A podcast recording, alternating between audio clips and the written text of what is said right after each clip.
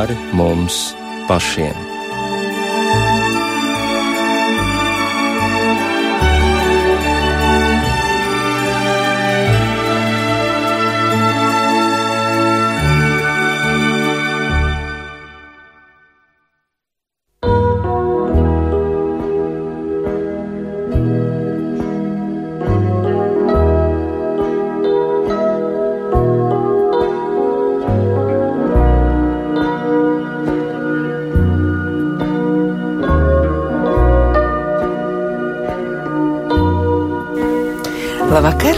Jums runā Rīta Brunēvica. Savu skanējumu sāk raidījums pāri mums pašiem.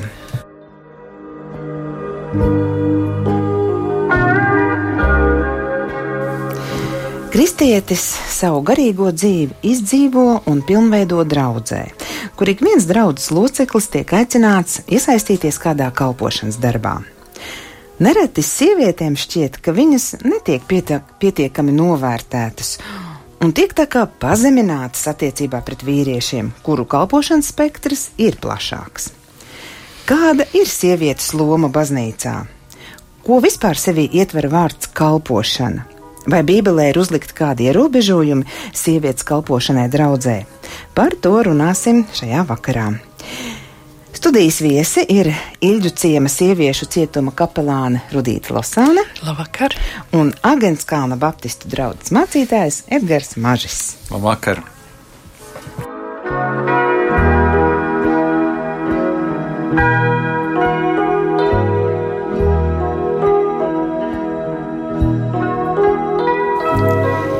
Mēs zinām, ka pagājušā gadsimta sākumā aktuāls kļuva jautājums par dzimumu līdztiesību, it īpaši sieviešu tiesībām, jo tajā laikā sievietēm sabiedrībā tikpat kā nebija vērā ņemamu tiesību. Mūsdienās ir spērts plats solis dzimumu līdztiesības virzienā. Bet tas, kas notiek šajā sfērā, sabiedrībā, atbalsojas arī baznīcā. Un tādēļ raidījuma sākumā ķersimies uzreiz klāt pie svētajiem rakstiem Un es jums vaicāšu, vai svētie, svētajos rakstos sieviete tiek uzskatīta kā vienlīdzīga ar vīrieti? Nu, droši vien, ka jāsaprot uh, arī šis vārds, nu, ko nozīmē vienlīdzīgs, jo ir kaut kādas lietas, ko tikai sieviete var izdarīt. Nu, lai kā vīrietis gribētu, viņš nekad nedzemdēs bērnus. Viņš ne viņš var iznēsāt, ne viņš var dzemdēt. Līdz ar to es domāju, vienlīdzība, jā, Dievu priekšā noteikti. Dievs ir radījis vīrieti un sievieti, un, un tur nu, tā ir mana pārliecība, ka Dieva acīs mēs, mēs esam līdzvērtīgi. Kā personības. Kā personības, kā personības bet, bet tas, ka mēs dzīvojam grēcīgā pasaulē, tas, protams, parāda to, nu, ka jau ļoti ātri, jau Bībeles sākumā jau parādās šis, šis nosodījums. Jā, tā, tā vietā, lai Ādams atzītu, ka viņš ir grēkojis, viņš, viņš pārmet dievam, viņš tā sieva, ko tu man devi. Jā. Nu, neriktīgās rības, nezinu, nu, tā, tā ir mana interpretācija, bet, bet tur, jau, tur jau sākās tas viss, kas varbūt vēlāk jaunajā derībā rezultējas, ka arī apstults Pāvils ļoti diezgan konkrēti pieturās pie šī rabīniskā skaidrojuma, ka redz, nu, nu jau pie viss ir vainīga. Bet, bet interesanti, ka tad, kad Pāvils raksta romiešiem, viņš nesaka, kā ievā visi mirst, tā Kristū tiek dzīvi darīt, viņš saka, kā Ādamā visi mirst. Un, bet, bet nu, tā pavisam konkrēti runājot, es teiktu, Kristus nāk, lai, lai atjaunotu to, ko grēkā krišana ir izdarījusi pie šīs nu, sievietes vietas un sievietes pozīcijas, kā vīrietis sāk viņu uzlūkot. Es domāju, ka te ir tāda, zinām, vārdu spēle kā līdzvērtīgs un līdztiesīgs. Un es domāju, primāri jau mēs varētu lietot šo vārdu, kā jau Edgars to labi paskaidroja, līdzvērtīgi mēs esam Dievu priekšā, jo, kā mēs lasam pirmā mūzes grāmatā, Dievs radīja pēc savu tēlu un līdzības sievieti un vīrieti, un tā nekad nevarētu būt, ka šajā harmoniskajā mīlestības pilnajā Dievā būtu vīrietis vairāk nekā sieviete, vai sieviete vairāk nekā vīrietis, vai ša, ša, šajā, šim vīriešķam aspektam būtu lielāka loma nekā sievišķajam aspektam, un es domāju, tā loģiski analizēt analizējot, mēs, mēs to saprotam, ka tiešām tādā ziņā viņi tiešām ir līdzvērtīgi, bet tomēr viņi ir atšķirīgi pēc dzimumiem, kas arī Bībelē tiek uzsvērts. Protams, šīs pirmās mūsu grāmatas radīšanas stāsts, šis pāns tiek interpretēts ļoti dažādi un dažādos veidos, un vieni ir pārliecināti, ka tur parādās kaut kāda vīrieša prioritāte un sieviete pakārtot tam. Protams, otra puse saka, ka tā nav, un, ziniet, tu stāvi šo divu interpretāciju vidū un skaties uz vienu pusi un uz otru pusi, un vienu brīdi šķiet vienam taisnība, otru brīdi otram taisnība. Bet es domāju, tajā primārajā nozīmē tas vārds līdztiesība vispār pat neparādītos, ja nebūtu uh, tomēr pārprasts šis radīšanas stāsts, vēl citas vīri, līdzīgas vietas, un, un kaut kādā veidā nu, nebūtu uzurpēta šī, šī, var teikt, tāds pat vēstures zināms vīriešu despotisms pār sievieti un, un tāda vara.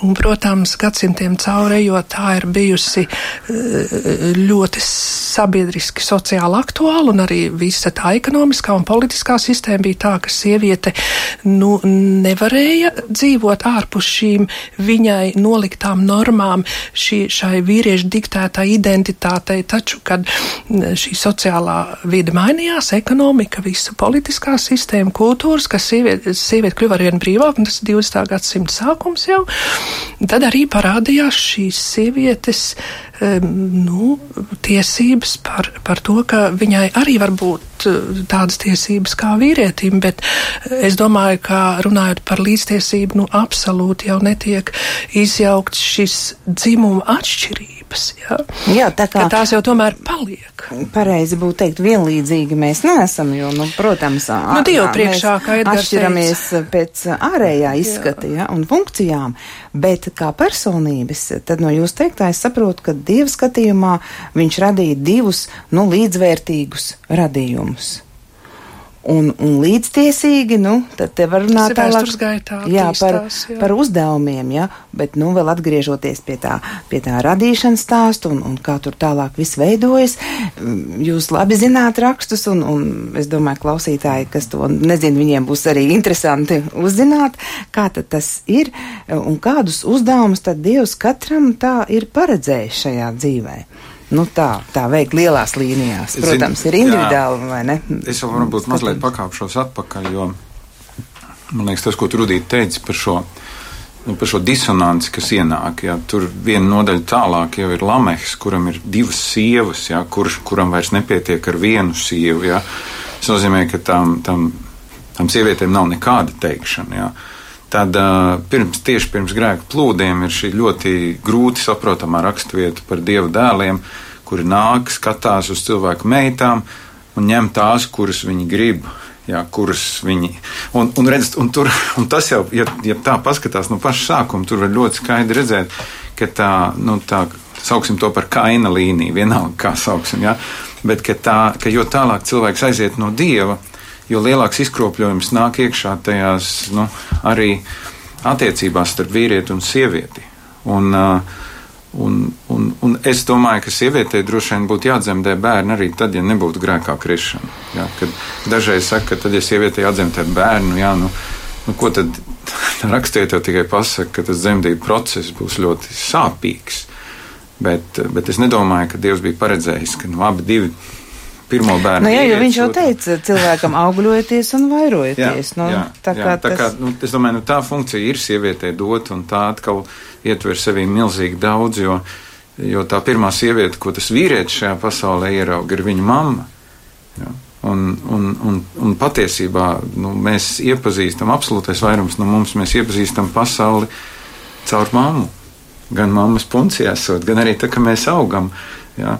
Tā kā kaut kādā ziņā uh, nu, tam bērnam vajadzētu jau kaut kur izaugt ar to izjūtu.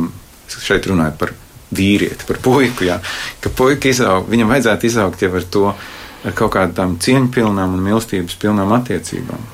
Un tu pieminēji kaina līniju. Jā. Kas tā tāda ir? Pastāst. Nē, nu kaina līnija, nu kains ir, kains ir, kains ir dziļi nelaimīgs, jā, jo viņš nogalina savu brāli, Ābelu. Un tad mēs lasām, uh, ka, ka lai, lai, kā, lai kā censtos varbūt Dievs un Ādams un Ieva, viņš aiziet prom no viņiem uz ļoti tālu zemi. Un tad, kad mēs redzam kaina pēctečus, arī Lamehs, kuram divas sievas, tad mēs redzam, ka ar viņiem kļūst ar vien sliktāk, sliktāk un sliktāk. Un ka tur tā, tā sievietes diskriminācija parādās, nu, ja tā var teikt, tādā visā krāšņumā pēdiņās liekot. Jā, man es domāju, ka tas. Uh, grēks, kas ienāk cilvēkā, pirmām kārtām ir vardarbības grēks, un to mēs arī redzam pie tā, um, kā, kā, kā šis stāsts beidzās starp diviem brāļiem, Ābelu un Kainu. Un vardarbība jau ir ļoti dažādas formas. Viņa var būt ārkārtīgi smil, smalka, viltīga, klusējoša, un, un, un viņa arī var būt agresīva, uzbrukoša. Ja? Un, un ar to ir jārēķinās bez Kristus uh, šīs attiecības uh, starp vīrieti un sievieti. Viņas būs kā par viļņiem Ja, jo gan darbosies šī um, skaistā labā puse, kad mēs viens otram būsim devēji un, un ar labu attieksmies, bet pienāks brīdis, kad parādīsies gan sievietē, gan vīrietī šī agresijas puse. Un es domāju, tas stāsts jau sākās ar, ar grēkā krišanu, kur parādās šīs pavēle no dieva, ka nu, sievai būs um, paklausīt vīram. Ir savādāk. Tur bija teikts, ja, parādās, nu, kā mēs to interpretējam, kā ir pieņemts klasiski interpretēt, ka, ka sieva tiek subordinēta vīram. Taču es esmu lasījusi citādi interpretāciju par šo dieva, dieva eh, pavēli, ka tur principā inkluzīvi parādās tas, ka um, dievs brīdina, kāds būs jūsu attiecību raksturs, šis agresīvais, ka tu, Ieva, būsi viltīga un gribēsi dominēt šīs agresijas dēļ pār Ādamu, bet tu, Ādam, tādēļ kļū, kļūsi brutāls. Ja? Un nevis viņš, respektīvi, pavēl kā vienam pret otru izturēties, bet Dievs nosauc vārdos to attiecību veidu, kāda būs šī dominants, dominants savā starpā viņiem. Un Jā, un, un ja mēs to nesaprotam, tad mēs vēl līdz šai dienai kaut esam visi Kristū, kur būtu jāvalda mīlestībai, mēs tomēr gribam viens otru se, sev pakārtot un pat veidojam tādas e, sociālas sistēmas, piemēram, kā matriarchātu un patriarchātu. Bet ne matriarchāts, ne patriarchāts nav dieva iedibināts. Dievs ienākot e, caur mūzu, caur Abrahamu e, cilvēcē, viņš Ehm, tajā brīdī viņš nepārvērts visu šo attiecību formu, bet viņš ienāk jau esošajā un viņš veido savu tautu iepretīm šai pagānu reliģiju pielū, pielūdzošajām tautām pretēji šo patriarchālo, tāpēc, ka tajās pārējās reliģijās pamatā bija matriarchālās. Ja? Taču tas nebija dieva mērķis, ka viņš grib šo patriarchālo sistēmu līdz laika beigām veidot. Viņš veido citādi citādu līdz tam brīdim, kad ienāk Jēzus Kristus. Un eh, tur, kur eh, galatiešu vēstulē eh, Pāvils saka, ka Tur nebūs ne jūda, ne grieķa, ne sieva, ne sievas, ne vīra un tā tālāk, ne verga, ne, ne, mhm. ne, ne, ne, ne, nebūs šīs sociālās atšķirības. Ir dažādas interpretācijas par šo rakstu vietu un vienmēr notiek tāda cīnīšanās un raustīšana, bet to, ko es redzu šajā rakstu vietā, faktiski Pāvils mums nodefinē šo šīs jaunās sociālās attiecības, kas valdīs, ka nebūs ne matriarchāts, ne patriarchāts, bet lūk šādas attiecības attiecības. Un, un, Tālāk viņš saka, ka visi būs viens Kristū. Jā, un visi būs viens Kristū, bet tur vairs mums ir piedāvāts tāds attiecību modelis pateicoties Jēzus upurim, kad mēs varam izvēlēties nevaldīt sievietes pār vīriešiem un vīriešu pār sievietēm. Jā, bet tagad ir jautājums, vai mēs to gribam.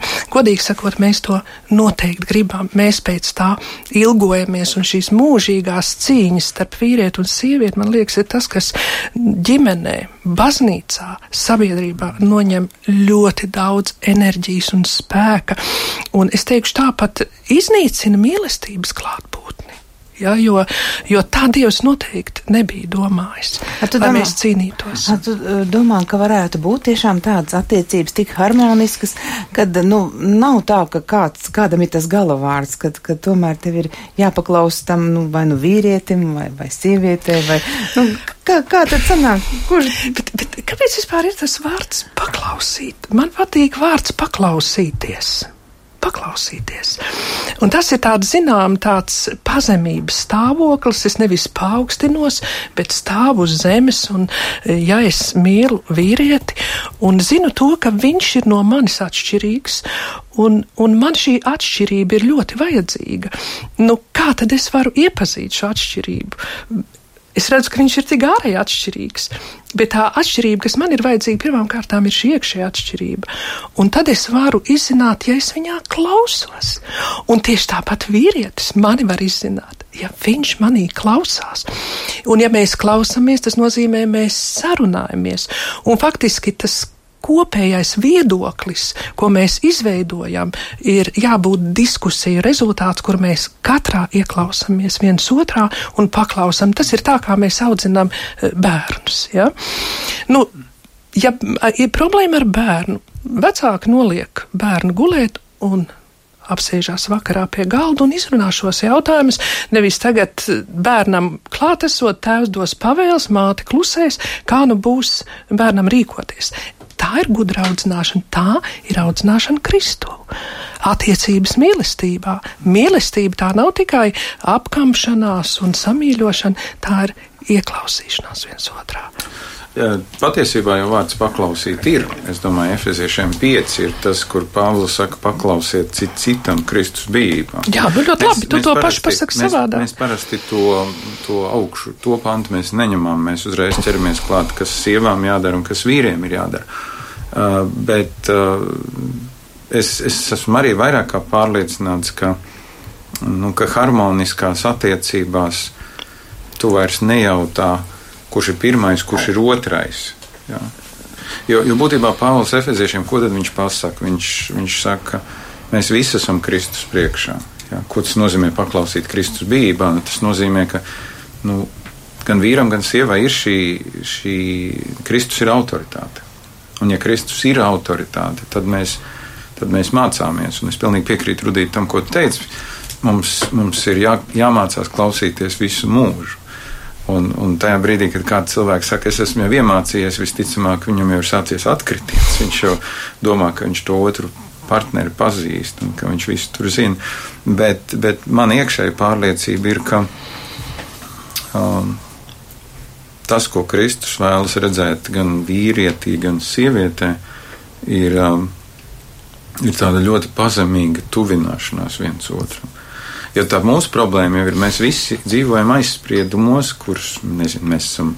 Mēs esam redzējuši savā bāzes ģimenē, kā tas darbojas. Mēs redzam to sabiedrībā, mēs redzam to uz ielas, mēs redzam, nu, ka, nu, ka pazemošana notiek uz, uz abām pusēm. Mēs pirms, pirms vasarā mēs bijām ekskursijā uz Ukrajinu, un tur lidostā stāvam tagad rindā Kievā, un tur viena mamma, nu, bērns, jā, bērns vienkārši nu, ir nervos, un, un, un, un, un viņš nu, absolūti iet no rāmjiem ārā. Un, un tā māte vienkārši sāk viņu sist visu acu priekšā. Un, un es domāju, nu, man, man, protams, arī nebija baigais spēks tur iet, tagad, nezinu, krievu valodā tur tagad, bet tā sajūta bija trausmīga. Man bija sajūta, pagaidiet, es esmu atgriezies kaut kur. No kurienes it kā es mentāli un arī varbūt pat nu, ar savu ikdienas dzīvi esmu izgājis ārā. Tad, tad ļoti smaga tā izjūta ir. Un tad, ja es domāju, tu redzi un dzirdi, kā sievietes tiek pazemotas vai vīrieši tiek pazemotas, tu saproti, nu, ka mēs esam ļoti tālu arī draudzē no tā ideāla. Jā. Un šeit es nerunāju, kas notiek uz ielas vai kaut kur citur, bet arī baznīcā. Arī baznīcā nu, laika pa laikam mēs to redzam, ka var vai nu no vienas vai no otras puses nav tā ieklausīšanās. Ir, ir tāda, nu, tāda baiļu pārņemta cīņa. Jo, jo kaut kur man šķiet, kāpēc ir tā agresija. Man šķiet, tā agresija ir rezultāts no tā, ka tu tik ļoti bailīgs esi par sevi, tik nedrošs sevi, ka, ka tev jebkas apdraud. Jā. Es domāju, arī tas ir, ka cilvēks jūtas nesaprasts. Arī, arī tad viņš jā. kļūst agresīvs. Un nu, varbūt tiešām, ka mēs dzīvojam tādos stereotipos par vīriešiem un sievietēm, ka nu, man ir iestāstīts, ka man no vīrieta ir jāgaida kaut kas ļoti konkrēts, kaut kāds, kas man ir iemācīts, bet izrādās, ka tas vīrietis tāds nemaz nav. Jo nu, nav jau tādu vīrišķīgu vīriešu un sievišķīgas sievietes, jo mēs esam nu, sajaukti, piemēram.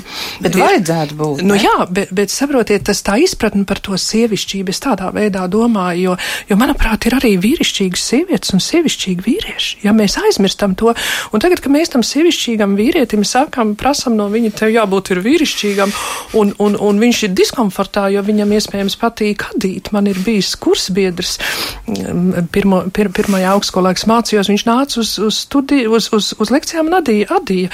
Un mēs visi brīnījāmies, bet viņš nekaunējās, viņam ļoti patīk. Ja? Bet vi, viņš ir tāds brīnišķīgs trīs bērnu tēvs un, un ļoti talantīgs, ļoti pazīstams Latvijas, var teikt, Latvijas personība. Un, un man patīk, ka viņš nekautrējās, ka viņš atļāvās būt sievišķīgs. Ja? Un, un ja mēs tagad pateiktu, ne, tu to nevari darīt, un mēs prati, prasītu no viņa, lai viņš tur tagad sāk tur, tur naglas mm, naglot, kas viņam ir svešs, ja?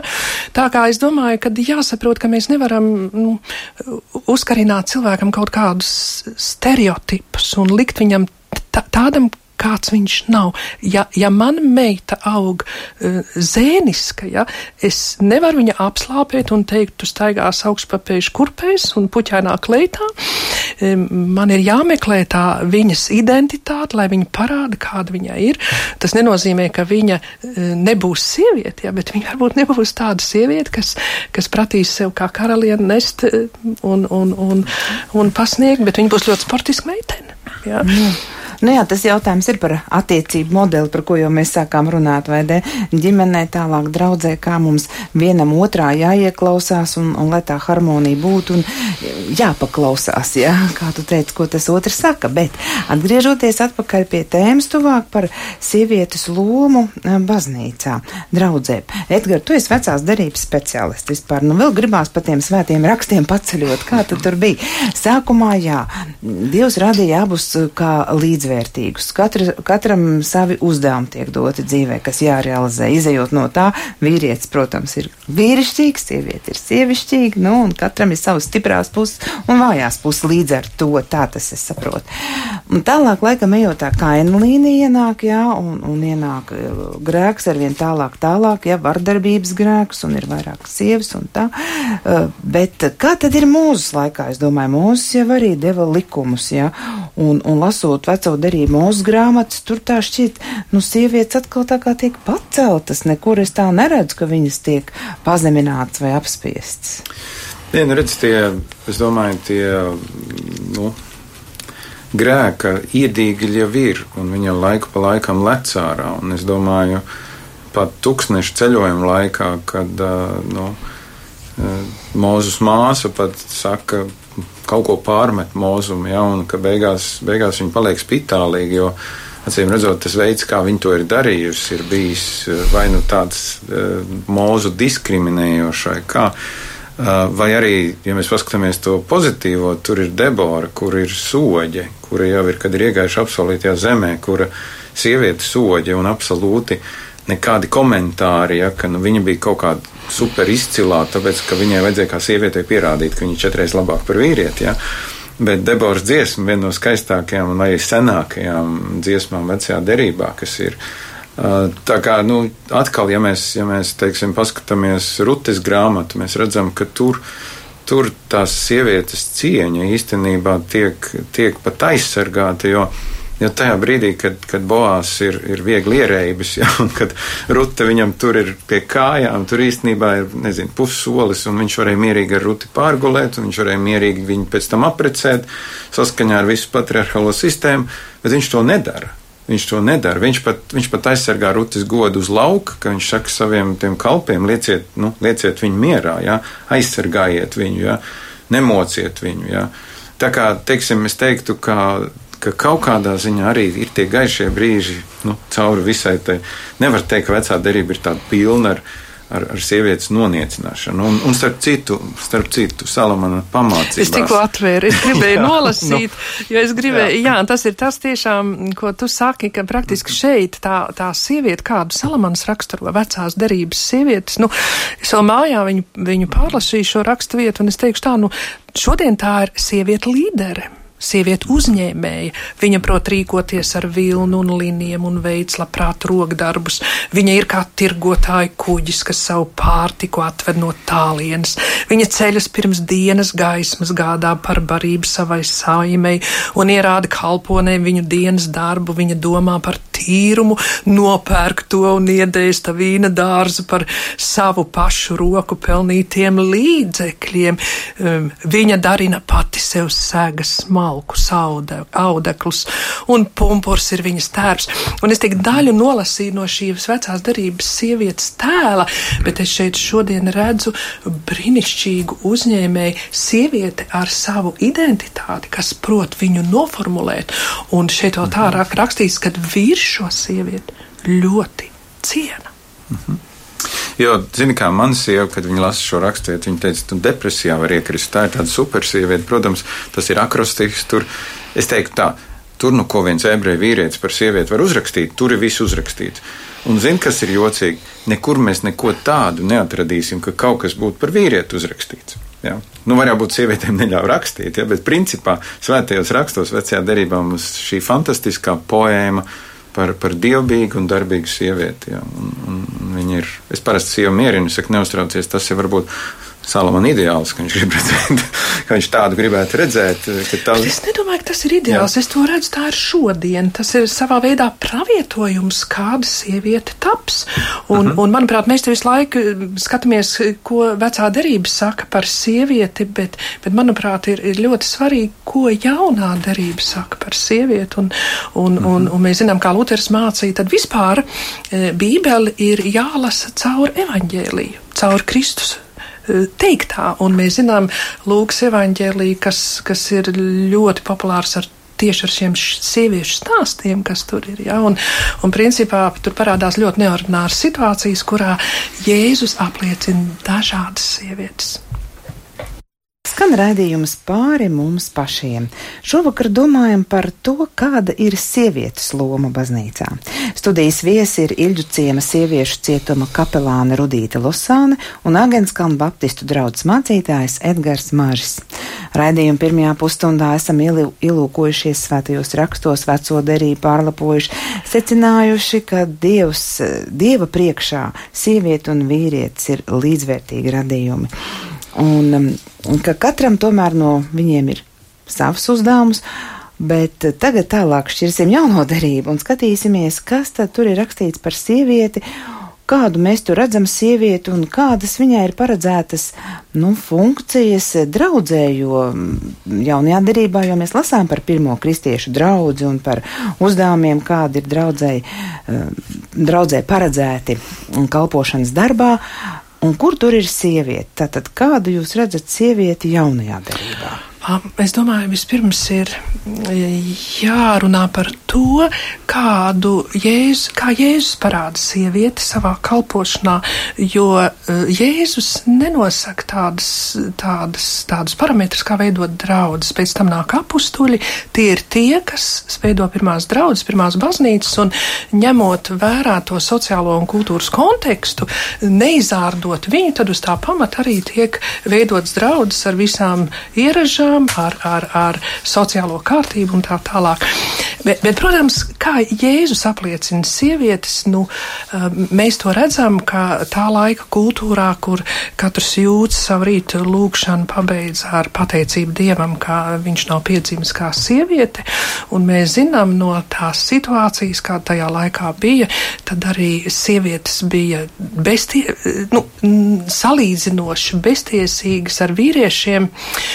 Un tad Jēzus nāk un, un šīs sievietes vienkārši paaugstina. Mēs redzam piemēram, Sīmaņa namā, kur visi muitnieki un viesi un jēzus sēž pie galda un ienāk sieviete ar alabastru trauciņu, kur viņi vispār nedrīkst, nedrīkst atrasties un visi ir šokā. Ja mēs uztaisītu tādu mazu izrādītu par to, tad mēs redzētu, kā šie jūdi ir šokā, ka šie sievieti ienāk vietā, kur atrodas vīrieši. Un mēs dzirdam, kā Jēzus viņu paceļ šajā sabiedrībā, saka, tu man, sīmani, pat kājas ne, e, nenomazgāja, kas ienāca, bet viņa manas kājas laka ar savām asarām. Tāpat arī otrs tāds piemērs, ka mēs redzam, ka e, Jēzus li, li, rīkojas paradoxāli, kur viņam ļauž pūlī pieskarās sieviete ar, ar asiņošanu, kas principā bija nešķīstības kalngals, un tādai sievai bija jāiet kalnos dzīvot, un viņa atļaujas pieskarties Jēzus drēbi vīlei, un Jēzus viņai nepa, nepārmet, bet viņš prasa, kur viņas spēks pazuda. Ja? Un, protams, šī sieva sev atklāja, kāpēc ja? viņa to darīja, un Jēzus viņu nenosoda. Un tā mēs varam minēt mm, ļoti dažādas stāstus, piemēram, par Mariju un Martu mums ir jāredz tas, ka šie, šie, šie šīs sievietes nav kaut kādas divas sabiedrības daļas. Šīs sievietes var būt arī šie tipi, var vienā sievietē būt, bet jēzus šeit ko mums parāda, ka, ko nozīmē tā labākā daļa, ka e, Marija sēž pie jēzus kājām, e, viņa patreiz šajā brīdī pie jēzus kā, kājām tā laika kultūrā atrodas kā māceklis, ko faktiski par ko tad Marta dusmojās. Netik daudz, ka viņa nepalīdz palīdz mazgāt Martai trauks, bet par to, ka Marta ir uzdrīkstējusies šo ārkārtīgi un nekaunību piesēsties pie Jēzus kājām, kā sēž vīrietis. Ja? Un daudz ir tādi stāsti, ka mm, Jēzus ievada jau eh, attiecībās ar šīm sievietēm jau šo līdztiesību ar vīriešiem, eh, kura, lai parādītos sociālā vidē, vēl paies gadu simti un tūkstoši. Un kā tad ir mūsdienās? Kā tad ir šodien baznīcā un draudzē? Vai sievietes ir līdztiesīgas visos uh, kalpošanas Edgar, darbos? Kā, kā ir tavā draudzē? Nu, manā draudzē tiešām Dievs ir svētījis ar ļoti gudrām, un, ja, ja pirms pauzes tu lasīji Salamana pamācības, tad es domāju, ka mūsu draudzē ir sievietes līderes, ir sievietes, kuras ir saistītas ar biznesu ikdienā un uh, intelektuāli izglītotas, uh, un es par to tikai priecājos. Un, man liekas, tas ir tas skaistums, ka, ka šīs sievietes var, var savus dāvanas un talantus lietot. Bet tu... kāda tad tiešām ir viņa uzdevuma, viņa loma uh, baznīcā, draudzē, ja, kas, uh, ko mēs šovakar vēlamies noskaidrot? Es, es domāju, ka katra baznīca ir nodefinējusi šo šīs sievietes lomu un uzdevumus, izējot no, no savām teoloģiskām nostādnēm. Un es tomēr piemetināšu arī no tādām reliģiski ideoloģiskām nostādnēm, jo mēs ļoti labi saprotam, ka teksts ir viens, bet interpretēts viņš tiek dažādi. Ja? Tad jautājums, kādi ir tie avoti, ko es uzskatu par tiem, ko es varu pieņemt, kuras ir tās interpretācijas. Nu, lūk, un, un patreiz es domāju, um, mums Latvijas baznīcā nu, nu, ir tāda tendence tomēr Tie ir mani novērojumi. Es nezinu, kā Edgars draudzē, bet tur iet mans dēls, viņš teica, ka viņam ļoti patīk, un viņa sieva tur ļoti labi jūtās līdztiesīga savam vīram. Ja?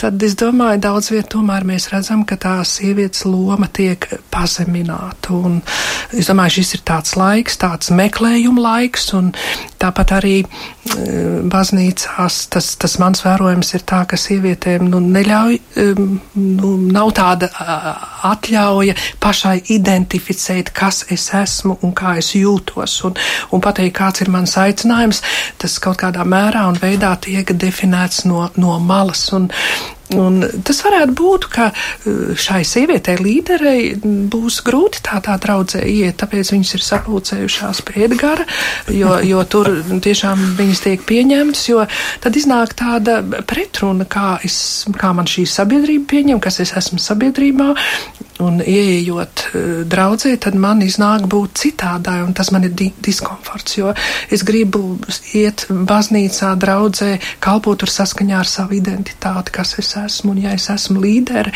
nu tad es esmu līderi, protams, līderim būt tas nenozīmē būt vardarbīgam un valdonīgam.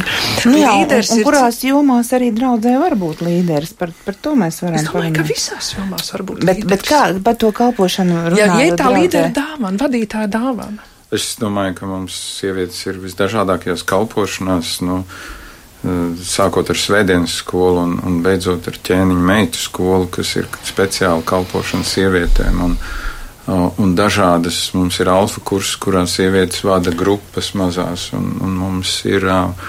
Mums ir vadītājs sievietes gan jauniešiem, gan tīņiem. Nu, patiesībā nu, draudzes padomē mums ir gandrīz 50% sievietes no kopējā skaita. Un, Un es teiktu, tas tikai bagātina. Tas mums Tieši bija tāds viens periods, kad kaut kādiem iemeslu dēļ bija laikam no 13 tikai divas sievietes palikušas padomē. Jo mums ik pa trīs gadiem mēs pārvēlam. Un, un, ai, tas bija viens no murgainākajiem periodiem. Tāpēc, kad, nu, tad, kad tie vīri tur sāk kasīties, tad nebija gandrīz nu, neviena sieviete, kas varētu pateikt, pagaidi, bet mēs varam paskatīties arī no citas puses. Jā, tāds, tā kā es teiktu, es, es domāju, tas ir draudzes skaistums, ka tur var vīrietis un sieviete būt kopā un, un ka tur nav nekāda konkurence. Nu, tā, kurš pirmais, kurš garīgāks. Mm. Es domāju, svarīgi ir tieši atklāt mm, cilvēku dāvanas, ar kurām viņš var kalpot, akcentu uzlikt uz cilvēku dāvanām. Es līdzīgi varu minēt, kā kalpojot sieviešu cietumā, es esmu tik ļoti priecīga, ka man par pasniedzējiem atnāk vīrieši, un es redzu, kā, kā manas audzēknes uzzied un kā viņām patīk, un, un, un kā viņas ieklausās tajā visā, ko šis pasniedzējs stāst vai māca vai kādu mūzikas instrumentu. Ja?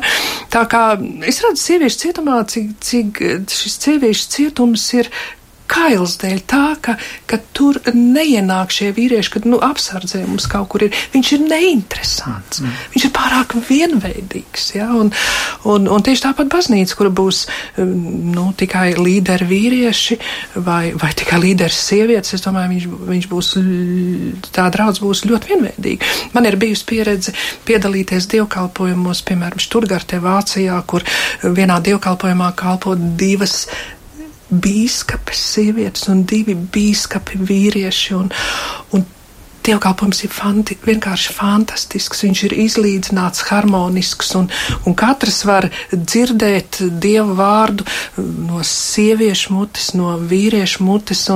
Mēs pat zinām, ir arī, piemēram, vīrieši, kas labprātāk klausās um, sievietes teiktajā, jā, no, no kanceles, un, un, un, un ir, ir, ir sievietes savukārt, kas klausās vīriešu teiktajā. Bet tur ir tā iespēja, vai ne? Bet tas ir skumja tā iespēja, tā, tas ir mans mans viedoklis netiek dots. Bet vispār draudzēs ir milzīgs sieviešu īpatsvars. Edgars, tavā draudzē tas ir mm, izņēmums vispār, jā? Jo nav daudz tādu draugu, kur ir, nu, izlīdzinās tas skaits. Kāpēc tas tā ir? Varbūt tā mācība ir vairāk pielāgot tieši sievietes domāšanai un uztverē. Jā, bet tas ir paradoks tiešām. Ir sevišķi tajās draudzēs, kur vīriešu līderi ir vairāk nāk sievietes, jā, un, un, un tur, kur ir, tur, kur ir līderi sadalīti starp dzimumiem, šī līdera kalpošana, es Tāpat arī evaņģelikālās draudzēs. Ja? Mēs taču zinām, ka viņas ir pilnas, gan vīrieši, gan sievietes. Tas ir labs jautājums. Kāpēc? Ne, nu, cik kā ir, ir, man liekas, var piekrist, var nepiekrist. Protams, ir grāmatas izdotas, nu, kāpēc vīrietis neiet baznīcā un tā tālāk. Un tur tas skats varbūt vairāk ir tāds, nu, redz, nu, tās vēsts, tā vēsts, ko mans tā sludina, tāda ļoti maiga un ka vīrietim viņi netrāp. Bet es pat gribētu teikt, ka vīrietim un sievieti trāpa vēsts, kura ir aktuāla šodien. Jā, Tieši man liekas, ka, ka vīrietim ir, ir tāpat kā sievietei ir svarīgi saprast, ka tas ir kaut kas, kas, kas man noder. Nevis, ka es varbūt atstrādāju kaut ko, kaut kādu teoriju, kurai es pats tā vairs īsti. Man sirds tur nesilst, bet nu, tā kā ir jārunā, tad es runāju. Man liekas, ka dzīve, nu, dzīvelīgums ir vajadzīgs gan vīrietim, gan sievietei. Un, un, un es domāju, ka tas, tas ir tāds stereotips, ka, nu, redz, vajag kaut kādus, nezinu, tādus baigi vīrišķīgos attribūtus, lai tos vīriešus piesaistītu baznīcai. Protams, vīriešiem ir vajadzīga sava telpa, Mums draudzēja šo pavasaru bija tāds astoņas reizes smēde, mēs saucām, kur nāca vīris. Tur sanāca kāds 60 vīri no tik dažādām draudzēm. Es sapratu, ka patiesībā arī tiem vīriem nekā nav. Ja? Nu, tā, ka viņi augst pēc tādas, ka tur var runāt par kādām tēmām, ko tas nozīmē būt tēvam, ko tas nozīmē cīnīties, kas ir vīriešu kārdinājumi un tā. Tā kā nu, mums tā smēja atsāksies kaut kad uh, janvārī, tagad, un, un, un tur es domāju, varbūt tas arī bijis tas diskomforts, ka aiz sievietei vienmēr tajā draudzē ir bijusi tā kalpošana. Viņa ir bijusi vai nu aprūpējusi, gājusi apmeklēt, vai arī ir bijušas bībeles studijas. Nu, tie vīrieši tur bieži vien vienīgais, kas ir tas dievkalpojums. Tas tagad tajā anekdotē, kur sieva palikusi mājās un vīrs tagad ir bijis baznīcā, un sieva tagad viņam prasa, nu, nu, nu, par ko mācītājs runāja. Un viņš tur stostās un stostās, un beigās viņš izmoc, viņš saka, man liekas, viņš runāja par grēku. Jā. Nu, sieva saka, nu, pastāsti kaut ko vairāk, nu, kas tur bija, ko viņš teica par grēku. Un viņš atkal stostās, un beigās viņš saka, man liekas, ka viņš bija pret. Un, un tas ir tas, ka tas vīrietis, viņš ir noguris, viņš gaida tur, nu, kad tas viss beigsies. Jā. Bet es domāju, ja tā draudzība ir dinamiska un ja tā vēsts, ko tas mācītājs un vadītājs var pateikt, Tieši trāpa, tā. tur, tur nav šķirba vīrietis vai sieviete. Tur, tur. Un es piekrītu, jā, kā tu teici, arī draudzē ir, nu, jābūt kaut kādam brīdim, kad vīri var aiziet atsevišķi izrunāt mm -hmm. savas lietas un sievas. Tomēr dievkalpojumu es redzu visiem kopā. Mm -hmm. un, un es redzu tieši arī, ka uh, var kalpot arī kā mācītāji, kā garīdznieki, gan sievieti, gan vīrietis, un viņi var radīt kopā šo dievkalpojumu. Ja? Un tur tiešām tā, tie laulātie pāri. Atpazīs šo uh, vīrieti un sievieti pēc dieva tēva un līdzības, un, un es tur redzu tikai uh, baznīcā iegūmu. Tikai Bet ir, ir tāda īpaša kalpošanas uzdevuma, kas ir tiešām domāta tikai sievietēm un tikai vīriešiem, pēc, nu, skatoties pēc bībeles. Ne, nu, mūsu gadījumā, un tas varbūt nav no bībeles, bet nu, mēs dievkalpojumu arī aizlūdzam par cilvēkiem, ka cilvēki iznāk priekšā. Un, Un tagad pēdējos gadus sapratu. Nu, tas jau ka... ir pēc Bībeles aizlūdziet. Jā, jā, jā, jā, bet nu, tā, teiksim, man liekas, sākumā man likās, nu, vienalga, tur vīrietis var lūgt par sievieti un sievieti par vīrieti. Tagad man liekas, tas tik forši, ka sieviete var lūgt par sievieti un ka varbūt tajā aizlūgšanā viņi tur atraisās, viņi var pateikt. Tas ir, tas ir īpatnēji, ka kaut kāds, nu, no? nu kam, ir, kam ir nāk svētais gars un jālūdz, tas lūdz svētais gars dzimumu neizvēlās. Protams. Kristus visos ir viens Jā. un piln pilns, viņš ir vienāds. Nav, mm -hmm. piemēram, manī ir, piemēram, Kristus sievišķā daļa, un Edgarā ir Kristus vīrišķā daļa. Manī ir gan Kristus vīrišķā, gan sievišķā daļa. Mm -hmm. Jo, kā mēs zinām, viņš nāca ārēji kā vīrietis, bet kā to Irinējs jau atzina, un arī kā, kā Pāvils raksta, viņš bija. Mm -hmm. Viņš bija otrais Ādams, ja kā tur bija. Mm -hmm. Otrais Ādams, viņš nāca, viņš nāca, ko tas nozīmē otrais Ādams? Viņš arī sievišķo dabu nes sevī. Mm -hmm. Jo viņš bija dieva tēls, nevis viņš bija vīrietis. Jā, jo ir atklāsmes grāmatā tāda vieta, kur um, ir rakstīts, un tā sieva, kas bija tūkstnesī un bēga no pūķa, dzemdēja bērnu. Mm -hmm. Dēlu, un es esmu, ziniet, kādu bībeles lasījumu dzirdējusi, un sieva dzemdēja vīrieti. Mm. Ļoti oficiālos lasījumos, Un es brīnos, es vēl skrēju uz mājā, atvēru bībeli, skatītos, bet tur taču nav rakstīts vīrietis, no. tur rakstīts mm -hmm. bērns un mm -hmm. dēls. Ja? Un tā tad jāsaprot, ka tomēr Kristus sevī nesa šīs abas dabas, un viņš man ir viss pilnīgs. Mm -hmm. Un svētais gars runās caur mani. Uh, caur to cilvēku, kas viņu dzirdēs. Bet, zini, kā tas, kāpēc sieviete aizlūdz par sievieti? Visu laiku bija tas stereotips, ka aizlūgt var tikai mācītājs. Nu, no sērijas, ja nu, kas tad cits var aizlūgt, kā mācīt. Tu pareizi teici, stereotips. Jā, stereotips. Es teiktu, mūsu draudzē tur nav problēma vīrietis vai sieviete aizlūgt. Jo tad, kad es esmu pateicis prediķi, es pat patiesībā vairs neeju aizlūgt, jo es esmu noguris.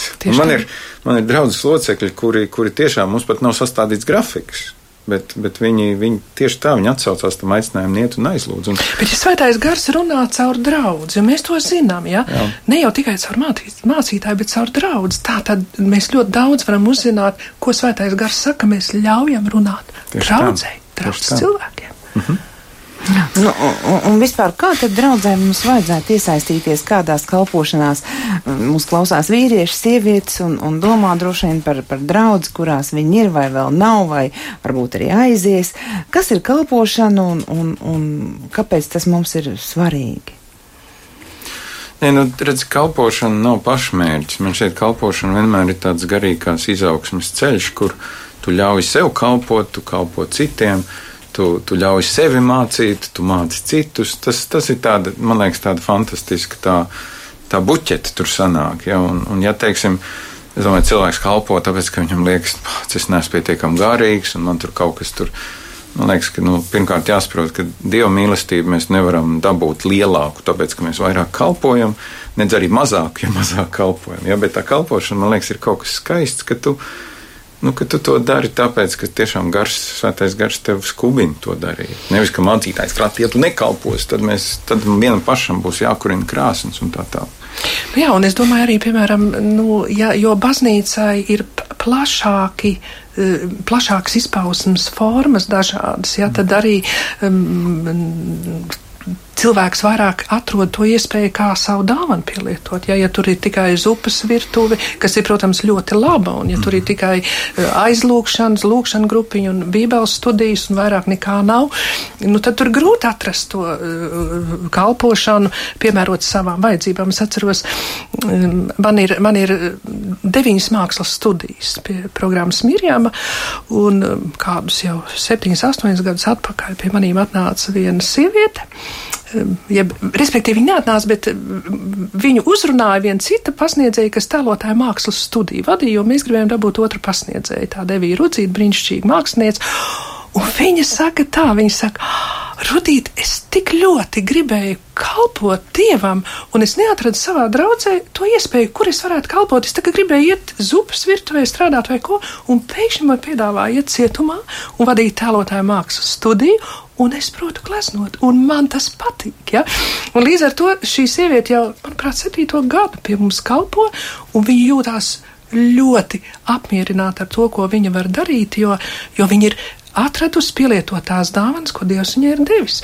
Un tātad, jo plašāks būs šis kalpošanas spektrs, jo, jo lielāks iespējas būs cilvēkiem iesaistīties kalpošanā. Tas nozīmē, es daru kaut kādu darbu, par kuru man nemaksās naudu, jo, ja godīgi, nu mācītāji jau nav algoti, viņi mums ir, jā. Ja? Algoti darbinieki. kā kurš, jā. Kā kurš. jā. jā. Mācītājs, nu, protams, ir kalps. Jā, jā, jā. Nē, nē, es, es, tas ir tāds mazs šārš par Edgaru, jā. Bet nenoliedzam mācītāji jau arī ir kalpi un, un vienkārši, kas pie altāra kalpo, tas arī pie altāra iztiek, vai ne? Kā to Pāvils ir teicis.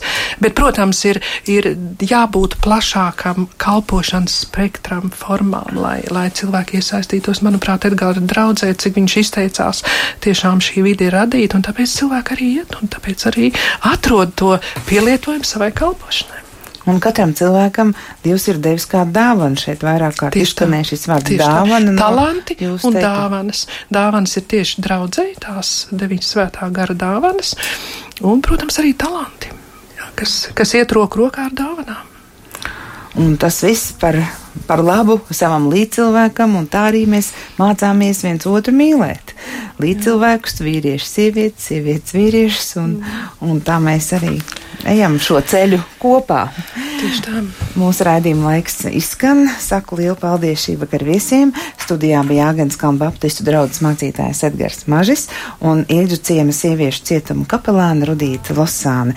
Par raidījumu skanējumu rūpējās Iveta Zvēniec un to šovakar vadīja Rīnta Bružēvica. Ar labvakaru!